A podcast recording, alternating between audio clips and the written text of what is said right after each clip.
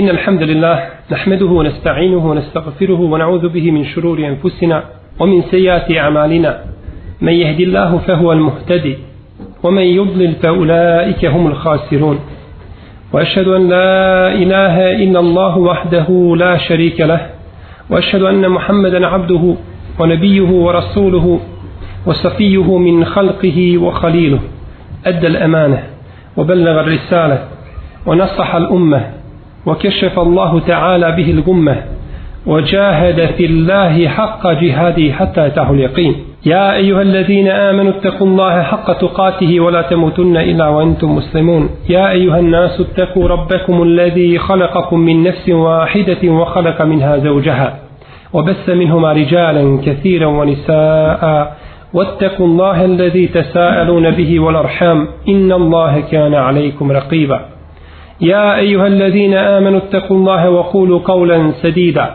يصلح لكم أعمالكم ويغفر لكم ذنوبكم ومن يطع الله ورسوله فقد فاز فوزا عظيما أما بعد فإن أحسن الكلام كلام الله وخير الهدي هدي محمد صلى الله عليه وسلم وشر الأمور محدثاتها وكل محدثة بدعة وكل بدعة ضلالة وكل ضلالة في النار U našem prethodnom predavanju govorili smo o najizrazitijim propustima i greškama koje čine žene u ibadetima. Pa smo spomenuli neke propuste koji se čine dok se žena nalazi u mjesečnom ciklusu. Potom smo govorili o namazu, postu, hađu. A uz Allahu te barake o ta'ala pomoć danas ćemo govoriti o nekim propustima i greškama koje se čine u kada dođe do rastave braka, do talaka, kada dođe do rastave braka, tada se čine brojne greške i također se čine određene greške u iddetu, dok se žena znači nalazi u onome vremenu pričeka. Islamski pravnici, fakihi, dijele rastavu braka i taj talak u dvije skupine. Talakun suni i talakun bida'i. Talak koji je po sunnetu, i talak koji je novotarija. Talak koji je po sunnetu, to je onaj talak da čovjek pusti svoju ženu u vremenu njene čistoće, kada klanja, kada posti, u vremenu njene čistoće, a nije u tom vremenu, u tom čistom periodu, za vrijeme te čistoće nije imao sa njom odnos. To je ispravan i jedini dozvoljeni šarijetski način pusta na žene. Da je čovjek pusti, znači u vremenu kada je čista, i da u tom vremenu nije imao odnos sa njom.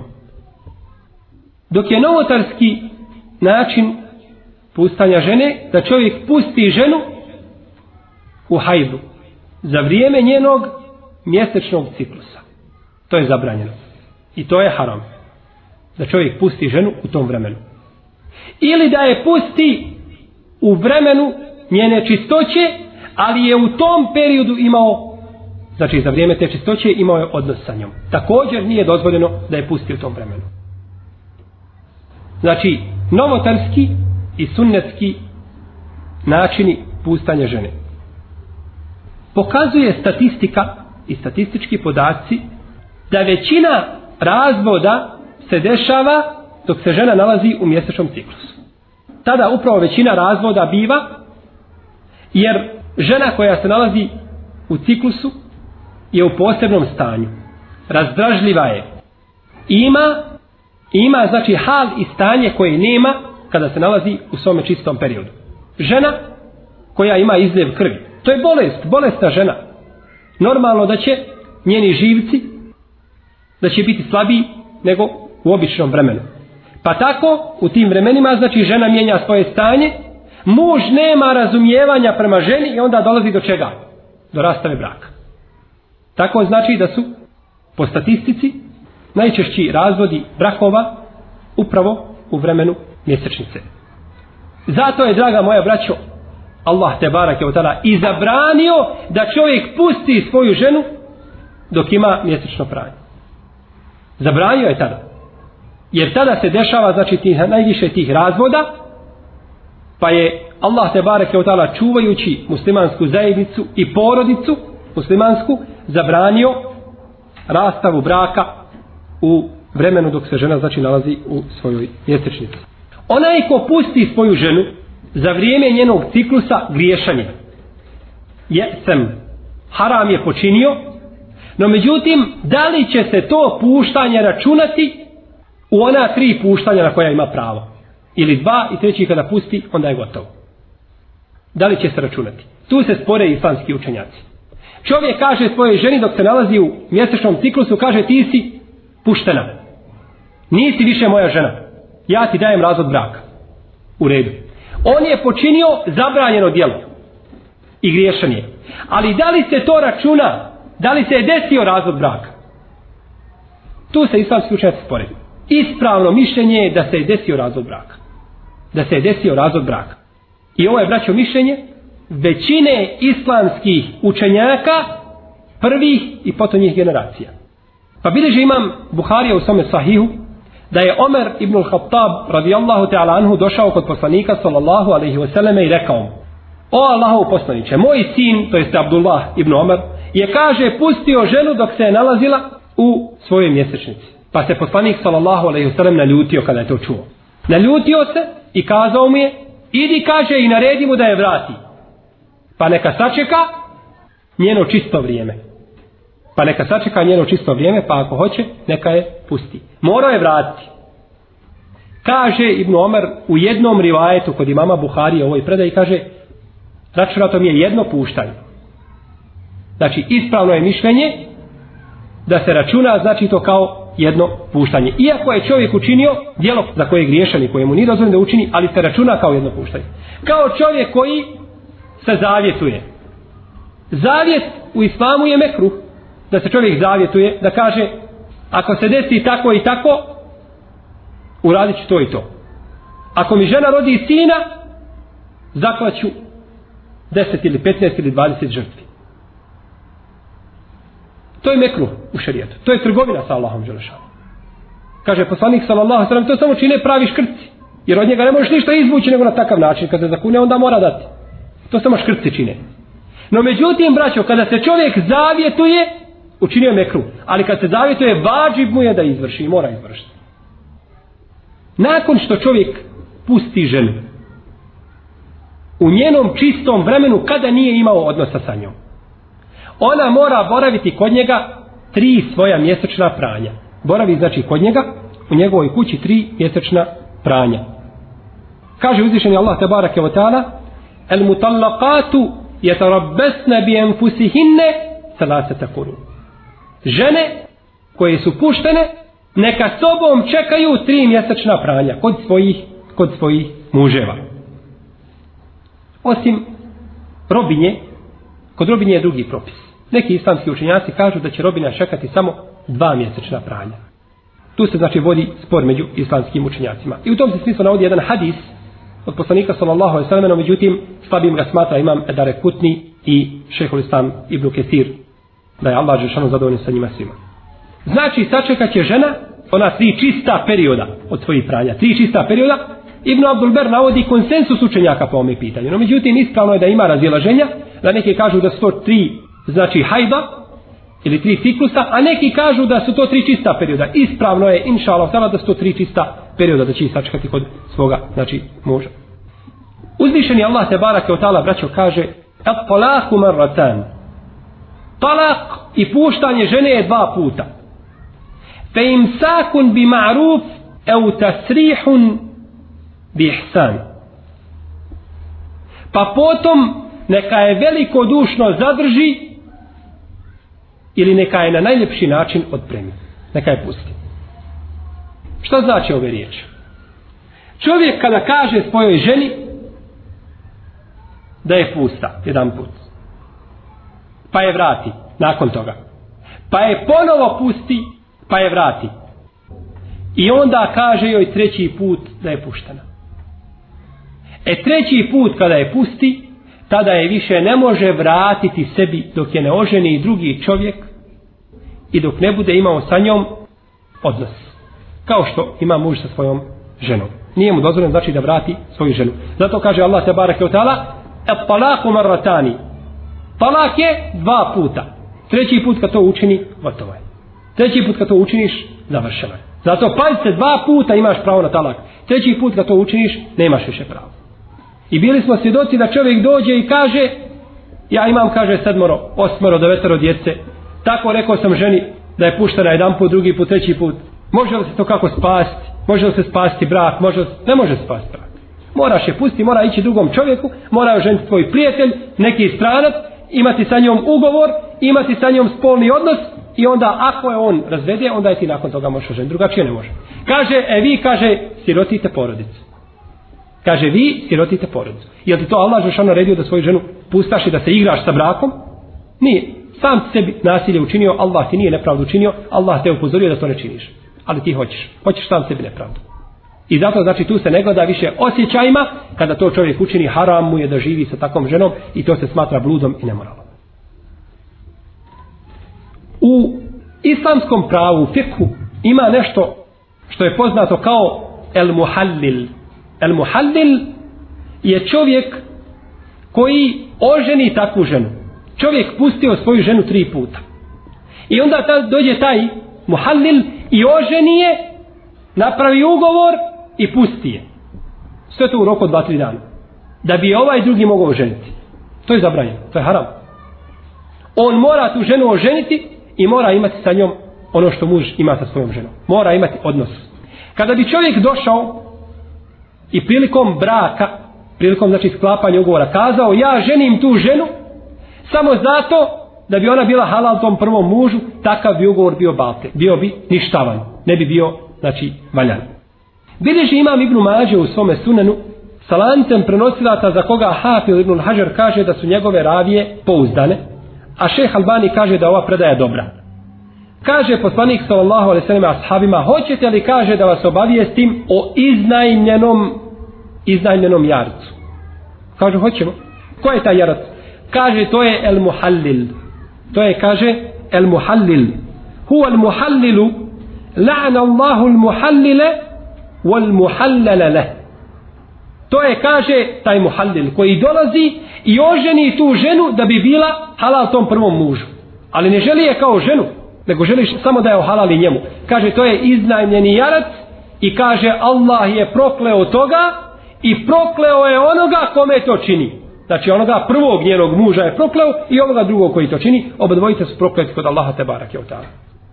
Jer hoće da rade ono što je uzvišeni Allah te barake o ta'ala zabranio. I kaže poslanik sallallahu sallam u hadisu Ibnu Abbas, ako ga bilježi imam Ibnu Maže, da je poslanik sallallahu alaihi wa sallam prokleo el muhallila i el muhallele le.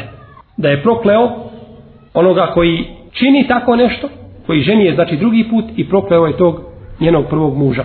Znači tog drugog i tog prvog kada je ženi sa tom, sa tom namjerom.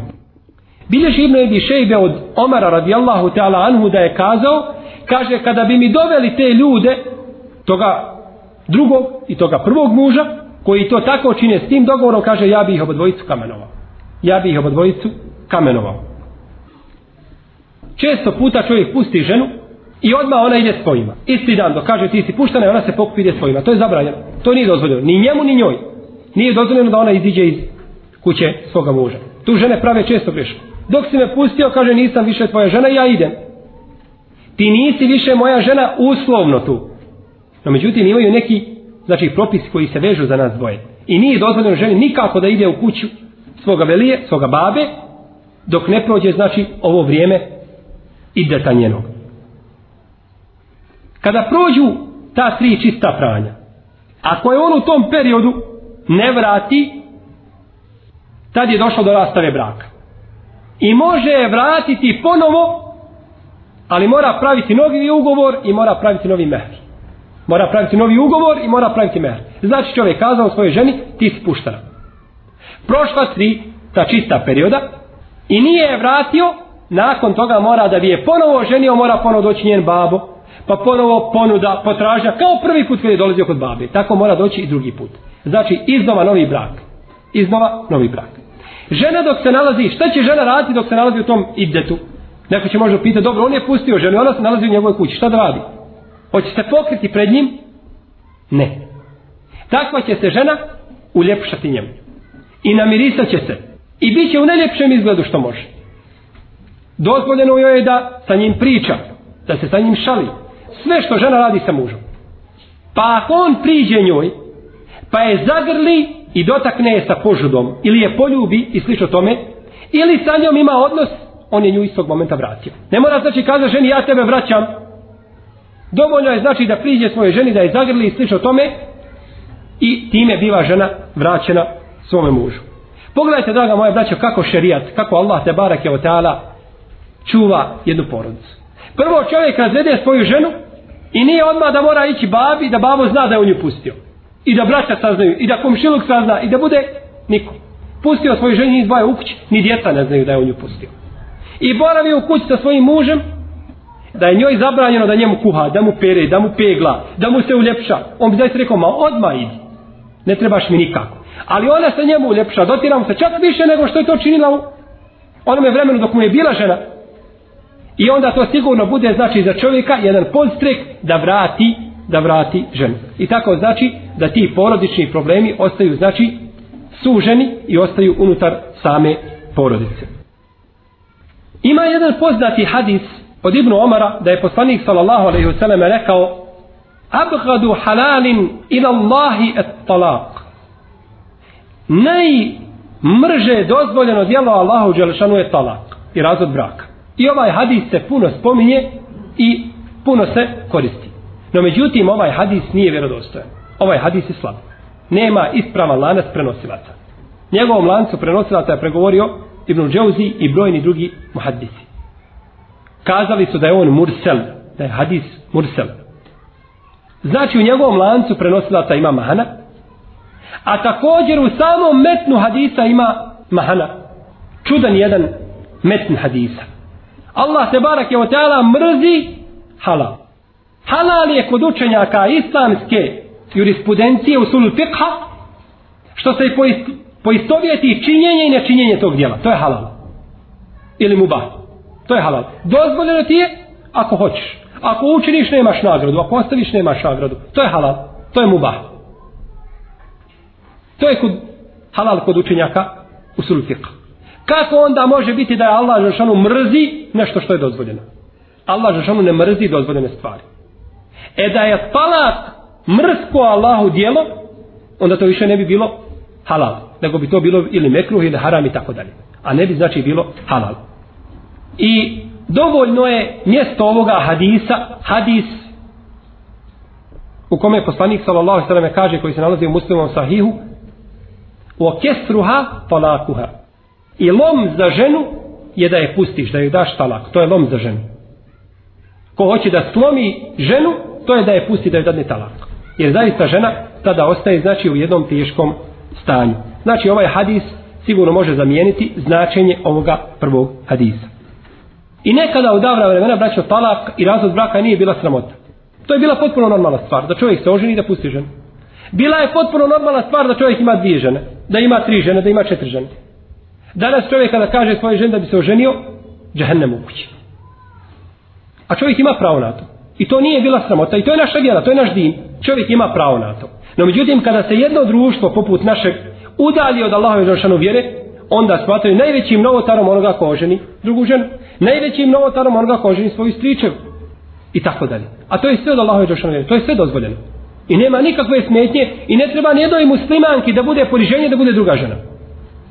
Ako Ajši radi Allahu Teala Anha nije bilo poniženje da bude druga žena, pa koja to ima muslimanka nakon Ajše da je bolja od nje? I da se može smatrati da je vrijednija od Ajše i da može sebi smatrati i da može sebe smatrati da je time ponižen. Pa dobro, možete će neko kazati u redu, to su bile žene poslanika, sallallahu sallam, a svaka žena čezne da bude ona žena poslanika. Kažemo u redu, šta je sa ashabikama drugima? šta je sa Omerom, Ebu Bekrom i drugim ashabima koji su ženili sa po dvije, sa po tri, sa po četiri. Jeste vi bolje od njih niste, pa onda u čemu je problem? Problem je u našem imanu, zato što žene nemaju imana i zato što ne znaju propise i onda uzmu ono što je sunet i što je propisano, uzmu da to da je to sramota, a ono što je sramota to smatruje sunnetom i onda se stvari izvrnu i preokrenu se kriteriji i onda hal bude onakav u kome se mi danas nalazimo. Nije sramota. Nije sramota bila u davna vremena da čovjek pusti ženu svoju, a ženi njenu sestru. Potpuno normalno. I halal po islamu. Čovjek živio sa ženom, ne može živjeti, pusti je i oženi njenu sestru. Nikakvih problema nema. To je danas u islamskom svijetu džerimet. Zločin. Sa tako čovjek učini. U čemu je problem? To je naša vjera. Ali ljudi kada ne poznaju vjeru i ne poznaju Allahove žašanu grance i uzmu svoje osjećaje da sude i stave njih na mjesto vjere, onda se sigurno dešava ono što se dešava sa nama danas. Zato, braćo, kada dođe čovjeku neko da prosi njegovu kćerku a ima jednu ženu pazite došao je musliman koji ima ahlak i koji ima vjeru došao da prosi njegovu kćerku i kaže mu ja ne dam tebi svoje kćerke zato što si oženjen griješan to nikakav nije razlog da čovjek kaže ja tebi ne dam svoje kćerke zato što imaš jednu ženu to nije razlog poslanik sallallahu sallam kaže Iza etakum men tarabdeune خُلُقَهُ وَدِينَهُ فَزَوِّجُوهُ وَإِنْ لَمْ تَفْعَلُوا تَكُنْ فِتْنَةٌ فِي الْأَرْضِ وَفَسَادٌ عَرِيضٌ Ako vam dođe čovjek sa čistim hulukom, ahlakom, ponašanjem zadovoljni i njegovom vjerom, ženite ga. Ako kaže tako ne učinite, bit će sigurno veliki nered, nered veliki razmjera će nastupiti po zemlji. I pravi pesad. I to nije nikakav razlog da čovjek kaže ti imaš jednu ženu, ja tebe ne dam svoji čerke za drugu ženu. Ali jeste braće u našim društvima, zato što ne znamo Allahovu vjeru i zato što ne želimo da znamo i kad znamo onda ne želimo da praktikujemo, zato što će reći crni ili žuti ovako ili onako. Znači, ove stvari muslimani prvo trebaju poznavati i nakon toga kada se dese ili kada neko hoće da praktikuje nešto od tih stvari, onda trebaju da znaju da je to Allahova dželešanu vjera. Ovo bi bilo ukratko o propustima koji se dešavaju za vrijeme razvoda braka. Nisam htio spominjati ono što se dešava od novotarija u islamskom svijetu. Jer ponekad čovjeku, ako mu spomeneš neku novotariju, onda mu to bude put da on nju praktikuje. Pa je onda bolje ne spominjati te stvari. Pogledajte kada je Jakub a.s. rekao svojim sinovima, kaže, ja ne mogu samo poslati Jusufa, kaže, da se igra, bojim se da ne kažete da ne budete pazni na njega pa ga pojede vuk pa kad su došli na večer kažu pojeo ga vuk oni nisu opšte razmišljali da kažu pojeo ga vuk nego kada se to desilo odmah su uzeli riječ svoga babe pa kažu jeste pojeo ga vuk tako onda bolje je da se ne spominju znači stvari koje nisu prisutne na našim podnebljima ovdje bi samo još spomenuo neke propuste koji se vežu za elhidad a to je one u vrijeme dok žena boravi nakon smrti svoga muža ono vrijeme kada je žalostna, kada je u žalosti, dok borevi, znači, u kući. Kaže uzvišeni Allah te barak je vatala, وَالَّذِينَ يَتَوَفَّوْنَ مِنْكُمْ وَيَذَرُونَ اَزْوَاجَ Koji od vas budu nakon sebe ostavili žene svoje, يَتَرَبَّسْنَ بِيَنْفُسِهِنَّ أَرْبَعَةَ اَشْهُرٍ وَشْرَ Neka borave u svojim kućama nakon toga četiri mjeseca i deset dana. Znači, žena kojoj muž preseli, umre, mora boraviti nakon toga u svojoj kući četiri mjeseca i deset dana. Ne smije se u tom periodu udati. Ne smije i druge stvari činiti koje ćemo spomenuti, ali se, znači, ne smije prvenstveno u tom periodu udati. Nema njoj, znači, udaje u tom periodu. Ovo je, braćo, sve jedno. Da li ta žena bila ona koja imala odnos sa svojim mužem ili ne? Kada čovjek oženi ženu, oženi ženu, dogovori sa njom mehr i desi se ponuda i potražnja i pristanak, desi se znači sklapanje braka, ali nije imao odnos sa svojom ženom, kada bi je pustio tada, prije nego što ima odnos, mora joj dati pola mehra. Na primjer, čovjek se oženi danas, napravi ugovor i dođe na večer samo stali se sa mladom i uđe u sobu i pospađaju se zbog spavaće sobe. Primjera radi. I on kaže njoj ti spuštena, nisi moja žena. Tada joj mora dati pola mehra. I ona u tom slučaju nema iddeta. Nema iddeta. No međutim kada čovjek oženi ženu i uđe na večer kod nje i nije imao sa njom odnos. I zaboli ga u bolicu sa njim i umre. Mora čekati četiri mjeseca i deset dana kao ona sa kojoj ima odnos. Kao ona sa kojoj ima odnos. Znači ovdje se razlikuju ti propisi u pogledu onoga koji je pustio svoju ženu i u pogledu onoga koji je umro. I znajte, braćo, da nema razilaženja kod islamskih učenjaka. Po ome pitanju. Itifak. Konsensus islamskih učenjaka jeste da žena koja je bila ona koja je imala odnos sa svojim mužem ili ne, mora čekati četiri mjeseca i deset dana. Osim koje žene. Koja to žena ne mora čekati ovaj period? Trudnica. Trudnica. Kod trudnice je ovdje drugi propis. A trudnice, njihov eđel i njihovo vrijeme čekanja jeste sve dok se ne porode. Kazali smo znači da žena kojom čovjek nema odnos, a pusti je, nema ideta i ne mora čekati. Ne mora čekati. Šta je dokaz za to? Kaže uzvišeni Allah te barake o ta'ala Ja eyyuhallazine amenu Iza nakahtumul mu'minat ثم طلقتموهن من قبل أن تمسوهن فلا لكم عليهن من عدة تعتدونها او vjernici ako oženite vjernice vjernice dobro šta ako čovjek oženi nevjernicu kršćanku ili židovki što mu je dozvoljeno svakako da li isti propis jeste isti je propis nema razlike nema razlike između ove ili one ali se kaže vjernica zato što muslimani najčešće žene muslimanke i što je sigurno bolje i preče da musliman učiniti Kaže o vjernici, kada vi oženite mu vjernice, pa ih pustite prije nego što ih dotaknete. Ovdje se misle prije što ih dotaknete, jer što imate sa njima odnos. Kaže, one nemaju iddeta koga će čekati. Nemaju iddeta, znači koga će čekati. Znači, to je dokaz iz Kur'ana Allahovu te barake od da žena koja je puštana, a nije njen muž sa njom ima odnos, neće čekati, znači, tog iddeta. I također, po ome pitanju, nema razilaženja među islamskim učenjacima. Svi se slažu, znači, na ome pitanju. Ima, znači, konsensus. Što se tiče ovoga vremena Hidada, ove žalosti, žena neće oblačiti crnu odjeću. Kao što čine, kao što čine nevjernice. Jer je to ponašanje njih. Kaže, imame subki u svome dijelu, e tabakat, šafija ili kubra, kaže da je to postupak nevjernica i da je to ponašanje nevjernica. Znači da žena oblači crnu odjeću. I nije ženi također dozvoljeno da žali ni za kim drugim na ovaj način više od tri dana osim za svojim mužem. Muž je četiri mjeseca i deset dana. Ali za drugima ne smije žaliti više od tri dana. Žena u tom hidadu ne smije da koristi miris i ne smije da koristi kuhl, da ga stavlja znači na oči i ne smije da koristi hinu, I ne smije znači da se dotjeri, dotjeriva znači u tom periodu. I ne smije da izlazi iz svoje kuće. Bileži ima muslim u svome sahihu od umu Habibe, majke vjernika, kaže kada je došao haber i vijest da je umro njen otac Ebu Sufjan. Bila je tri dana u toj žalosti, nije znači koristila ništa od ovih stvari. Potom kada je prošao treći dan, pozvala je svoju sluškinju da joj donese miris, pa ga je stavila na svoje ruke, podlaktice i na svoje obraze. Ženski taj miris koji se stavlja, stavila i kazala, čula sam poslanika sallallahu alaihi wasallam da je rekao, la yahillu limrajetin tu'minu billahi wal jomin ahir en tehidde fevka selatin illa ala zauđi fe inneha tehiddu alaihi erbate ešhurin vaša.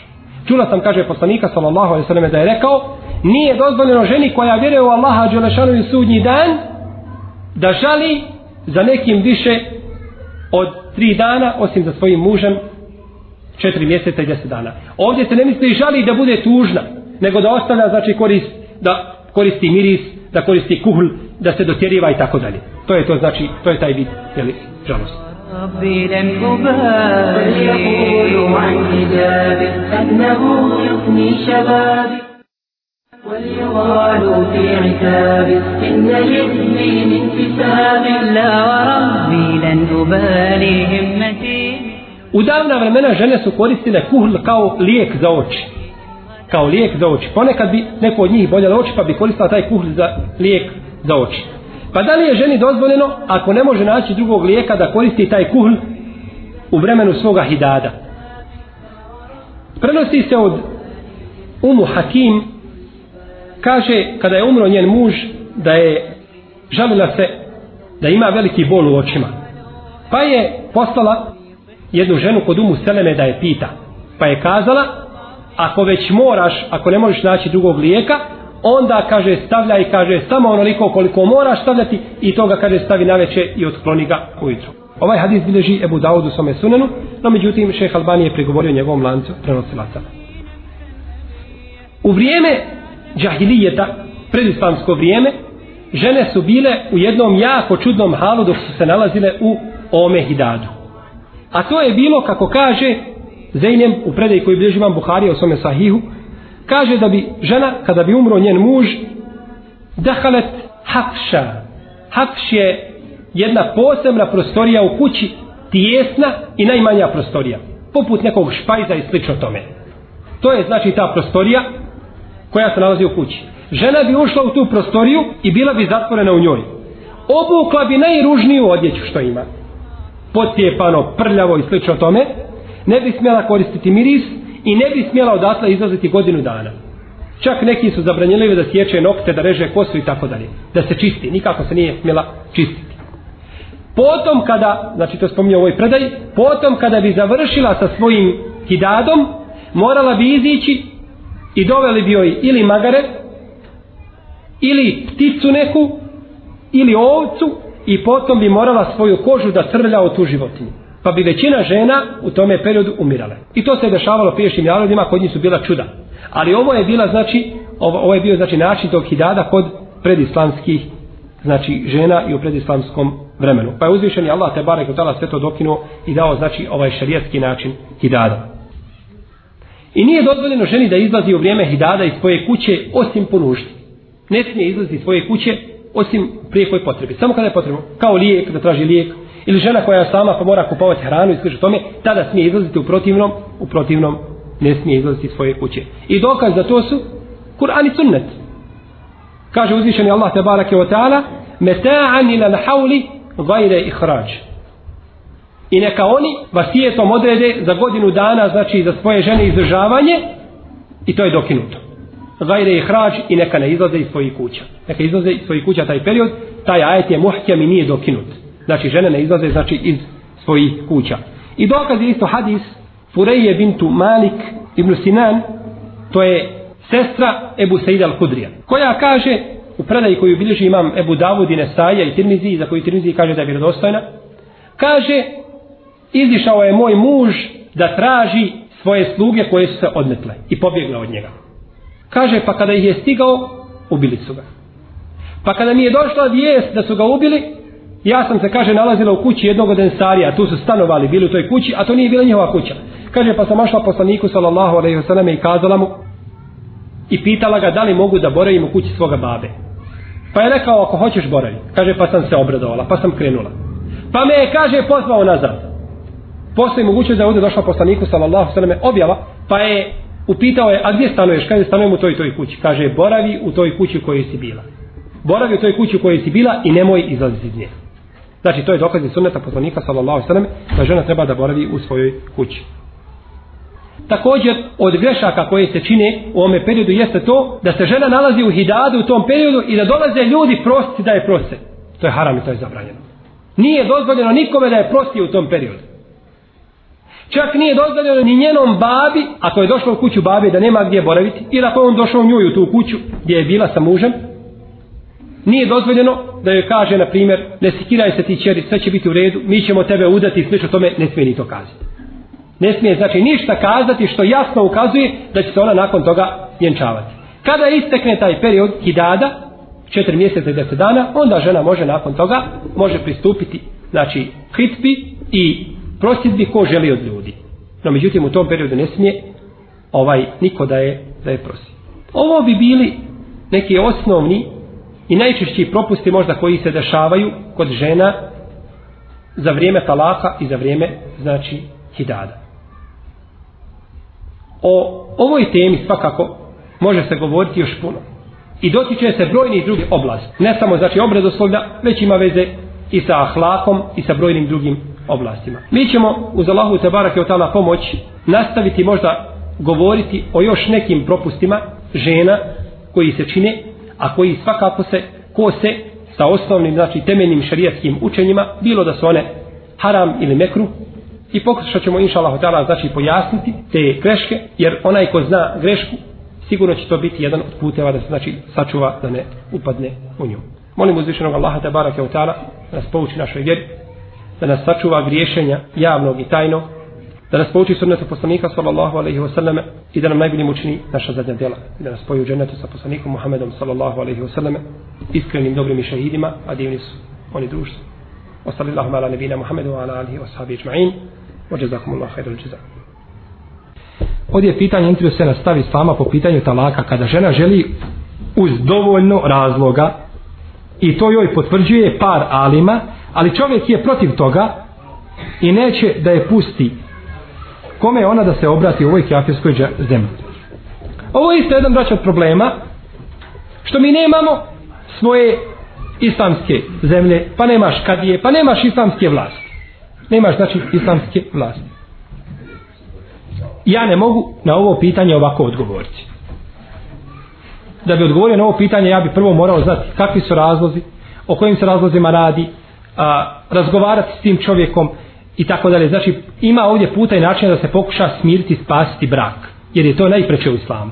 Nije prva stvar, znači razvod braka. Jer prvo što se desi razvod odmah. Nije tako. Treba znači pokušati da se brak spasi ako može, ako ne može onda da gledaju kakve su prilike, kako stanja i tako dalje. Čak će ženi ponekad biti dozvoljeno da se obrati znači i ovim zakonima nevidničkim. Jeste. Jer ponekad će biti u, takvoj, u takvom stanju da mora trpiti zulum koji ne može podnijeti, a nema s kome obrati, pa će onda biti joj nužda i dozvoljeno da se obrati nevjerički zakon da traži razvod braka. Tako da, međutim, kažemo, ovo nije opće pravilo, da nekto sad neko uzeo za generalno pravilo, pa žena, muž je popreko pogleda, odmah ona ide, zna gdje će joj pomoći. Ne, nego znači svaka situacija ima, znači, svoj poseban hal o, kome, o koga treba znači razmotriti i vidjeti, no međutim ovaj ženi je znači uz dovoljno razloga kada se vidi sigurno i potvrde se da sto razlozi odozvore da se obrati. No međutim, pored ovoga, žena ponekad iznese na svoga muža stotinu razloga, kako on ovakav, onakav i tako dalje. No, no međutim, treba saslušati njega. Poslanik sallallahu alejhi ve kaže kada vam neko dođe da presudite, nemojte suditi dok ne čujete oba dvije strane. Jer će vam kaže čovjek može doći iskupanog oka i kaže onaj mi iskupao oko. Pa će doći ovaj, on njega oba dva iskupan. A ti presudi odmah prvom, dok vidiš iskupan oko, gotovo, oko si čovjek iskupo, plati, bićuj ga, naknadu i tako dalje, ili iskopaj, a ovaj dođe sa oba dva iskupana. Tako da treba znači saslušati, jer dosta puta žene kažu nešto, ili braća kažu nešto, a ne sasluša se žene tako da ne. Od pravde i slama je da se sasluša jedno i drugo, da se vide razlozi, onda nakon toga se, onda se nakon toga sudi. No međutim, kažemo, svakoj sestri prije što se obrati bilo koje ustanovi, državnoj, nevjedičkoj i tako dalje, zbog sramote koju će pretrpiti i tako dalje, neka nastoji znači da se to riješi, da se razgovara s tim bratom muslimanom i tako dalje. Ja smatram da se te stvari mogu riješi, riješiti i prevazići u brojnim slučajima i znači nije rješenje da se prvo jeli, pokuca na vrata a, kod onih koji ne vole znači ni muslimana ni muslimanku. Allah te ala. Musliman pustio jednu ženu. Ja pustio svoju ženu. Pustio svoju ženu. Ima jednu jedinu i pusti. Ima jednu jedinu, nažalost, i pusti je. I onda nema ništa. I sada je pustio tu ženu i ona čeka tri kod njega, ja. čista perioda kod njega. Može uženiti se u ta tri čista perioda još tri puta. Nikakve sve. To nema veze sa njim. Taj idet je vezan, taj idet je vezan za njegovu ženu i stvar je samo kod njega hoće li on vratiti u tom periodu da ona bude četvrta a u protivnom nema smetnje da čovjek oženi u tom periodu. Jasno. Ako on ima ostale tri već pored nje, onda mora čekati na tri mjeseca da bi pet doveo. Pet je nemožno. Da bi pet doveo. E, kako, pe, kako pet u živu bio? Ako već ima četiri žene. Dobro, i pustio jednu. Jednu pustio. Ne, ne, mora, sa, e, tako je. Tad u tom slučaju mora sačekati jer ne može pet spojiti jer ona bila u tom slučaju bila još uvijek znači kod njega jer u njegovoj kući. To isto kao čovjek ima tri žene ili ima četiri žene i jedna umre. Kažu, ovako se u šafijskom fikhu raspravlja. Kažu šafijski učenjaci, ima me neovi spomio ovo, ali međmua i drugi, kaže, čovjek ima četiri žene i jedna umre. Umrla popodne i on nama predikini ode i oženi njenu sestru. Ovako stoji u šafijskom fikhu. Ode i oženi njenu sestru. Što znači da su ove stvari bile poznate kod njih braća. On ne bi ovo govorio da to nije bilo poznato. To je bilo potpuno poznato kod njih i realno da se tako nešto desi. Ode je čovjek i oženi njenu sestru. U redu kaže, vrijeme ženaze će biti tek posle akšama. U redu. I on sad hoće kupati ovu svoju ženu što je umrela. Jer smije okupati. On ne smije svoje dvije sestre. Ova je sad ove ovu drugu, ova mu je već žena sestra. Ne bi više smio gledati ove. Smije li okupati. I tu se spor vodi među islamskim učenjacima. Kakav je hali, kakav je, kako je stanje. Ali ispravno mišljenje išao da je smio okupati. Pitanje od sestara, može li žena tražiti talak ako ima opravdan razlog i kakav je to tada propis oko iddeta? Žena ima pravo tražiti razlog braka po šarijetu ako ima opravdan razlog. I u tome nema spora među islamskim učenjacima. Muž udaražen, činio je nepravdu. Čak ne, jedni učenjaci kažu ako je ne može izdržavati, ako je ne može hraniti da je mora šta? Da ima pravo da traži razlog braka. A neki učenjaci kažu nikako. Ovdje sa neki učenjaci najstrožiji. I Allah najbolje da su u pravu. Kažu ne smije, kaže ne trpi sa njim. Dok je bilo lijepo i u blagostanju je živjela. Kad je upao čovjek u tešku situaciju, kaže ja bi išla, tražila bi drugog. Gdje može bolje biti? Kažu ne, kaže trpi sa njim. On kako gladuje, gladi i ti. On kako nije odjeven kako treba, i ti trpi. Jeli ono što, da nemaš znači to dunjalučko to blagostanje. Znači tu nema razilaženja, ali razilaženje šta je to šerijetski opravda razlozi za zadu braku? Tu je pitanje. Šta je to razlog? Je li razlog braka to što je muž na tebe zagalamio? Što je muž kazao, na primjer, izudarat ćete? Ili te udario, a ti zaslužila da te udari, a on te nije udario udartem koji, te, koji ti pravi tjelesne povrede velike i tako dalje? Šta je to razlog šerijetski da žena ima pravo da traži razlog braka? E tu će možda nastati spor. Pa kad bi sestra, ako već dođe do toga, napisala, ne mislim da će doći izrako sestre koja postavlja pitanje, ali kažem, ako već ima primjer, šta je se to smatra opravdanim razlogom, onda bi se moglo tome posebno govoriti. Ali ovako sada sigurno se ne može kazati može šta je opravdan razlog. Jer jedan će razlog kod jedni možda supružnika biti opravdan da žena traži razlog braka, a kod drugi neće. Jer je žena u jednom braku možda čista potpuno 100% i čini joj se nepravda. Ali u drugom braku i ona, u drugom slučaju ona čini nepravdu, možda još veću. Pa joj neće biti pravo da traži. Popravi ti svoje stanje i onda, znači daj prvo svoje obaveze i onda traži prava. Tako znači da se to razlikuje i da to varira od braka do braka. I šta je sada, kakve propise ide, to mora čekati ide isto. Nema veze, on dao ili ona razlog braka, došao do razlog braka, ide se mora ispuniti. Jer je ide da se očisti šta? Maternica, da se zna da nema, da ne bi došlo do podvale djeteta, da čovjek hrani djete koje misli da je njegova, to nije njegovo djete i tako dalje. Allah te ala. Dobro. Mi danas imamo uređaje kojima možemo provjeriti je žena trudna. Lahko. I sto posto se provjerava bez greške. Znači ne treba ide danas. Treba.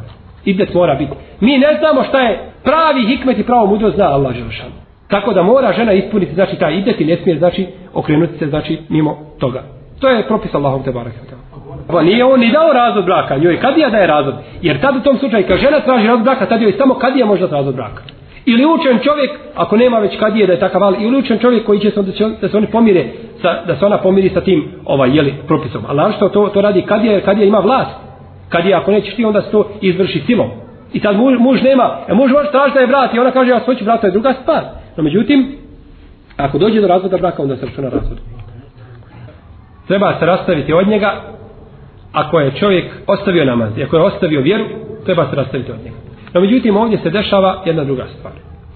Ova fetva i ovo se može kazati za brojne mjesta gdje žive muslimani i gdje se praktikuje vjera. Pa gdje su ti slučajevi rijetki. No, međutim, imate podneblja gdje to, kad bi kazali, napravili ste socijalne probleme i društveni poremeća. Jer većina ljudi naklonja, većina žena naklonja i tako dalje. Tako da ovaj, znači treba se gledati kako i šta i gleda se stanje, tikul vaka i tako dalje, to nije jednostavno pitanje. Jer braćo, mi možemo jednostavno kazati, čovjek došao jedan i kazao kakav je propis, kazao šta je učinio, učinio sam tako i tako, rekao ženi da je puštena, to i to uradio, tako i tako, nisi bio ljut, nisi opsihren, nisi, nisi, sve se ispita, sve se stavi na vagu, to ne idete tako. Zato ne veća greška da čovjek preko telefona, nazove preko telefona, pita, kaže, ja sam rekao tako i tako ženi, je li ona puštena? Nikad od imama, niko nije preko telefona dao, od današnji imama, nije dao preko telefona petra u talaku. To je zabrati, moraš čovjeka dovesti. Možda je čovjek pred tobom bio ljut, možda je čovjek pred tobom bio opsihren, možda je čovjek bolestan, psihopata, ti ne znaš, taj to čovjek se tebi javio, odmorio se u finom stanju i onda razgovara s tobom ti misliš čovjek normalan. No, uđutim dođe čovjek, sjedi pradu i sam se trese. Vidiš da to ima skupina nekakve stvari koje nisu u redu. Pa onda, znači, neće uvijek se desiti, znači, talas. Ovdje pitanje šta ako žena traži odnos sa mužem, a on je odbije, da li je propis isti kao kada ona odbije njega? Nije. Nije isti propis jer mi imamo dokaz u šarijatu da se to odnosi samo na ženu, a ne imamo dokaz da se odnosi na muža. Dobro.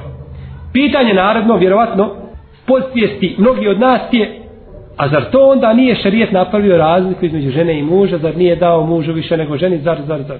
Ne nije, kažemo nije. Sigurno nije. Jer Allah te barak je od tada najbolje kao stvoritelj ljudi, najbolje poznaje ljude i šta je njima potrebno, i šta ljudi mogu, a šta ljudi, a šta ljudi ne mogu. Ali jeste od dobročinstva prema ženi da čovjek udovolji potrebi svoje žene. To je sigurno dobročinstvo prema ženi. Čovjek traži nosno po žene i kada ona treba jednu sitnicu, znači on nije u stanju da je udovolji. Sigurno da je to neispravno. Treba čovjek znači da ima tu obzira prema ženi, ali ako bi on odbio svoju ženu, jer čovjek braćo biva dosta puta umoran, dolazi, radi čovjek na bauštili 12-13 sati, nije mu ni do njega, samo želi krevet da vidi. I onda, na primjer, odbije svoju ženu sigurno da je hal njegov, njegovo stanje drugi i mimo hala žene koja boravi u svojoj kući. Jeste i u kući ima posla. Ne može niko kazati da žena zjedi u kući i da ništa ne radi. To je pogrešno. No, međutim, ne može se to porediti sa tim dnevnim radom na suncu po 10-12 sati ili sa putovanjima dugim i tako dalje, sticanjem obsudbe. Sigurno se to razlikuje. Pa zbog toga šarijet jeste napravio razliku između ove dvije stvari. Allah te ala ala.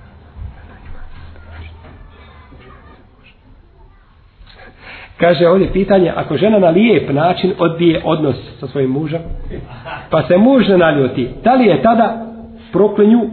A, prvo, nije ženi ispravno da ona to na lijep način čini. Niti na lijep, niti na ružan. Na ženi je da se odazove svome mužu. To je njena obaveza. Da se odazove svome mužu. No međutim, druga je stvar ovdje. Otkud žena zna da se muž neće ne ljuti?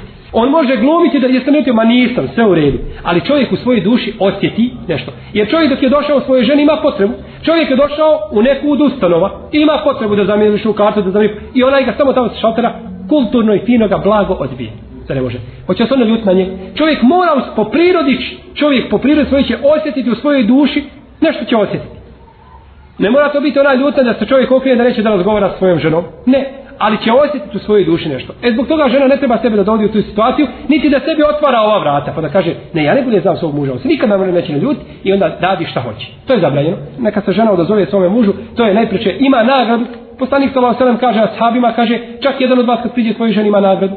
Kažu, o Allaho poslaniče, zar neko od nas kad svoje šehvete udovolji, zar i zato ima nagradu? Kaže, pa šta mislite da je to učinio sa ženom koja mu je haram? Bili mu kazu, kažu, bi. E kaže, od prave milosti Allahove, njegove pravde jeste da te nagradi za to što činiš znači sa svojom ženom. Tako da žena sigurno ima nagradu kada ima znači ovaj sa svojim mužem kada mu se odazove jer je to sigurno čuvanje porodice i znači najbolje je da to da to učini. Yes. Pitanje da li se to računa da je došlo do talaka ako on kaže u šali puštena si. Nema tu šale. Odma talak. Poslanik sallallahu alejhi ve selleme kaže: "Selasu jadduhunna jadd wa hazbuhunna jadd." en nikah od talak voli atak tri stvari kada se o njima govori u šali smatra se ozbiljno a kada se govori ozbiljno smatra se opet ozbiljno to je sklapanje braka puštanje žene i puštanje roba čovjek kaže komšo ja bi ovu tvoju čer da mi bude žena hoš mi je da bude žena ja bi nju ženio komšo ja kaže hoću dajem ti je za ženu i još tu dva čovjeka stoje sklopen brak tu nema igre i šale Nema tu, ti si napravio ponudu. Nema tu igre sa brakom, nema igre iša. Brak je, znate što znači ti brak? Ohalaliti stidno mjesto što je najprekosnovenije intimno pravo ljudi. Ohalali što? Allahom riječ. Vi ste, kako je poslanik, vi ste ohalalili vaša stidna mjesta jedno drugom Allahom riječ. Šta je to Allahom riječ? Ponuda je potražno, pristajanje. Nije to u, u matičnom uredu da potpišeš ugovor. Nego kad pitaš babe, i on dozvoli i ona pristala suda i to suri, čuli svjedoci, završen je brak. Tu nema igre i šale. Tako čovjek kaže ženi, puštena si, gotovo završeno, nema tu igre i šale. Ili čovjek kaže robu, puštene si, idi na slobodu. I on krene kaže, e čekaj, vrati se, kuda ćeš? Pa nju nismo još završili, vrati se. Ja sam se šalio, nema gotovo, rob ide. Rob ide, jer tu nema šale. Mi kažemo ovdje, u svakom slučaju, obaveza je da čerka bude da je pristala. Jer poslanik sallallahu alejhi ve selleme kaže u hadisu koga bliže ashabu sunen, kaže kad neko od vas hoće da uda svoju ćerku, je pita da li ona pristaje. I došla ona žena poslaniku sallallahu alejhi ve selleme i kazala mu: "O Allahu poslanice, kaže mene je moj babo udo za moga Amidžića, a kaže ja njega mrzim."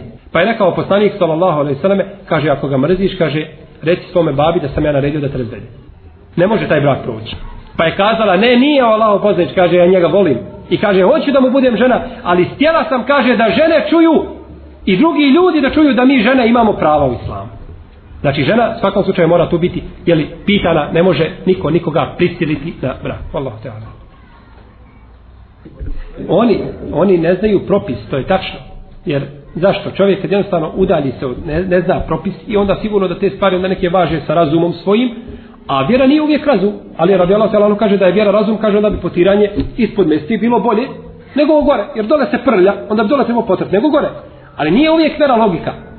Zašto je logika da mi klanjamo, vidi ovo, klanjamo jaciju, cijeli dan radimo, umri i jaciju dođemo i toliko rekiata i toliko, i vitri sve. A sabah ustanemo i samo klanjamo dva rekiata, par dva, odmora čovjek. Pa treba bujutro da klanja to kad se odmora klanjaš više, a najviše kad se da što manje klanjaš da ideš spavati. A znači što ono to postavio, mi ne znamo mudrost toga kako i zašto. I te mnoge stvari, bosanci i balkanci ne vide smetnje da čovjek ima deset švalerki. I da bude najveći nemoralnik. Ali kad bi oženio svoju amiđišu, to je najveći zločin.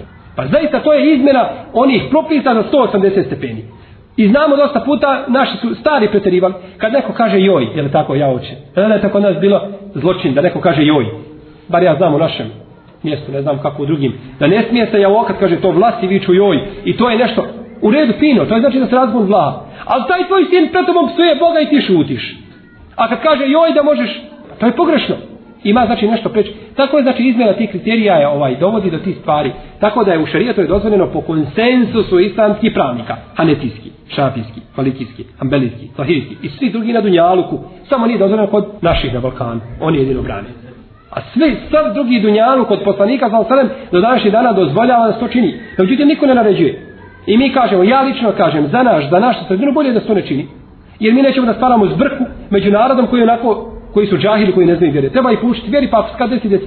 Ali ko bi to učinio u Bosni? Nema niko pravo da kaže ti si ovakav, ti si onakav. On je dalje svoj brat musliman kao da ženio neku tamo. Radi se o daljoj rodbini, kažu 13. 14. godine, ti ga to malo povezao, ti se ne mogu na svom kantonu nigdje uženiti. Nema, nema kad pođu računati, nema yes. ne uženio nikoga. To su njihove, znači, ova njihova objeđenja koja je svakako iskrivljena, šta god da kažu, ne može im se sa, znači, ono, kategorički povjerovati, no međutim, mi znamo da su to muslimani preuzeli od njih, Narod te lahko miri sa novotarijama. Kad mu uvedeš sunnet kao zdrav zub da mu čupaš. A kad mu kažeš ovo je novotarija, ne može se proći novotarije da se... Nene su gledale nikabe pobosti, mnoge te. I znala da nikab ima i da je to bilo kod muslimanke. I danas kad vidi nikab, ona prva kaže šta će ti to, skini to, tako i tako. Pa zbog čega tako muslimani jedno, ja lahko tako odlaze od vjere, a kada trebaju da prihvate nešto od vjere što je zamrlo, onda nikako da to krene napred. U tome je čudo. Pa mora. Pa ne, šta će ostati neudat? Mora se, mora se udati. Ovaj, to je drugi propis. Tu kad nema velije, tu može biti kadija, može biti neko dučeni, tu ima svoj propis. No međutim, oženiti ženu, ona ima veliju, ali neće velija da se pita, nego pokuca joj pod prozor, e to je zabranjeno. To nije dozvoljeno. Bez velije nije dozvoljeno da se, se uda. Jesu. Mi smo, braćo, živimo u vremenu kada nema šerijata. Mi imamo znači nasihat. Žena neće da čeka, na tebi je da sve učiniš da ona sačka po tebi ali ako neće da čeka i da pored toga znači hoće da iziđe onda je čovjeku onda čovjek inšalo tada nije griješan jer ne može on odgovarati za njen nemar to je znači ona ne samo kršćanka bila ona muslimanka a neće da se pokori to je njena stvar čovjek kaže ženi ja ću ženiti drugu ženu kaže ja idem svojima njen postupak je haram ne smije to činiti nema pravo na to Nema ona pravo, znači, otići zbog toga svojim roditeljima. Mora, znači, ostati kod svoga muža, no međutim, ako bi učinila, ona je griješna. Nije on griješan, ne može on ju svezati i držati je, Znači to se vraća čovjeka na ženu i na čovjeka na njihov iman. Mnoge te stvari, jesu. Kakav je propis da čovjek oženi drugu ženu koja ima 18 godina, a on ima još dvije, tri čerke koje imaju po 20 ili 22 godine. Nema nikakve smetnje da čovjek koji ima 70 godina ili 60 godina oženi curicu od 15 godina ako punoljetna. Nikakve smetnje sa šarijetske strane nema. Apsolutno nikakve. Nikakve. I to nije zabranjeno šarijatski, to je dozvoljeno i to ne može niko osuđivati i ne može niko govoriti ružno o tome i tako dalje. Njemu je dozvoljeno da oženi. Često puta čovjek kad hoće da se ženi, da se ženi drugu ženu, žena mu kaže ženi, ali kaže neka ona bude udovica, neka ima toliko djece, neka bude majka, ne može ti postati uslove svome mužu. On može ženiti, ako hoće nagradu, da ženi može ženiti tako. A ako hoće da doženi curu, može doženi curu, nikakve smetnje znači nema. A te godine same posebne igraju ulogu. Ali jeste sigurno čovjeku bolje jeste čovjeku bolje da znači da se ipak balansi, da, da, se to balansira. A međutim, ako učini čovjek nije učinio, znači nije učinio grešku. Pazi, nije dozvoljeno čovjeku da se ženi tom ženom da mu bude ona i da on nema poroda. Ali da čovjek ima još jednu ženu kojom ima porod ili još dvije kojom ima porod i da oženi tu ženu koja, je, koja ne može imati djece, Dobro, šta ćemo s tim ženama koje ne mogu imati djece? Ona ne može imati djece, ali ima potrebu za mužem. Ima potrebu da je neko izdržava ima potrebu za mužem kao mužem i tako dalje. Šta ćemo sa njom? Kaže ne ti se misle pa onda otvoriti vrata, ne morala ne. I tu ženu može neko ženiti. Ali s tim da može pored nje imati još jednu ženu ili dvije, znači sa kojima će imati ovaj porod, tako bi znači tako bi znači ovaj ne bi ostao sa tom samo ženom koja nema poroda, znači da on ostane bez poroda. I zato je to braćo Allah je šanom udos uvijek na zemlji. Od postanka zemlje do naših dana ima više žena nego muškaraca. Uvijek. To je Allahov hikmet. I to se ne može riješiti nego na šarijatski način. A to je više ženstvo. Nema. Neka ga riješi kogod hoće na drugi način bujro. Ne može ga riješiti. To ne moguće. Jer 4%, 4 je više žena na svijetu nego muškaraca. Na po, u postupima to nije ništa. Ali u brojci je to 300 miliona. 300 miliona žena ima više nego muškaraca. Šta će što 300 miliona žena? Kuda sa ima? znači uvijek ide, znači, eto, u ovom slučaju ako bilo, znači bilo bi pola, znači bilo bi 150 miliona žena, znači više. To je uvijek ono, znači da se popuni i da se, znači, jeli, balansira to. Muškarac koji ne može imati djece, može se oženiti. I po meni je takvom čovjeku najbolje da oženi ženu koja ne može imati djece isto. Najbolje po meni da oženi ženu koja ne može imati djece, a ako oženi ženu koja je plodna i curu i tako dalje, nema nikakve smetnje. Nije griješa. Zato su, zato su... Pa ima pravo da Za, zato se danas u islamskom svijetu često pravi pregled prije ženitbe. Ode muš, muškarac, pregleda se i žena, da li mogu imati sa one medicinske strane, koliko s njihove moguće dokažu da li može imati porod. I to se često čini. I to nema nikakve smetnje nema smetnje da se to čini, jer ja želim da zaštim svoja prava. Ja ženim ženu koja je možda imala nekoliko operacija, evo žena ostati truda i tako dalje, i onda oženi je, pa je razvedi, pa je pusti, pa nema mogućnosti, imam dvije žene i tako dalje. Nema smetnje da to čovjek učini. No međutim, zlo bi bilo pravo da se to učini obavezom. Da čovjek kaže obavezno i tako dalje, da se to uvede zakonski, da mora svako, ako hoćeš radi, ako nećeš, ne moraš. Tako da ovaj ko hoće može to činiti, ali se ne treba uvijek znači da to bude na nivou države, da se smatra znači u jednom društvu je to obaveza, to bi na sigurno bilo pogledno.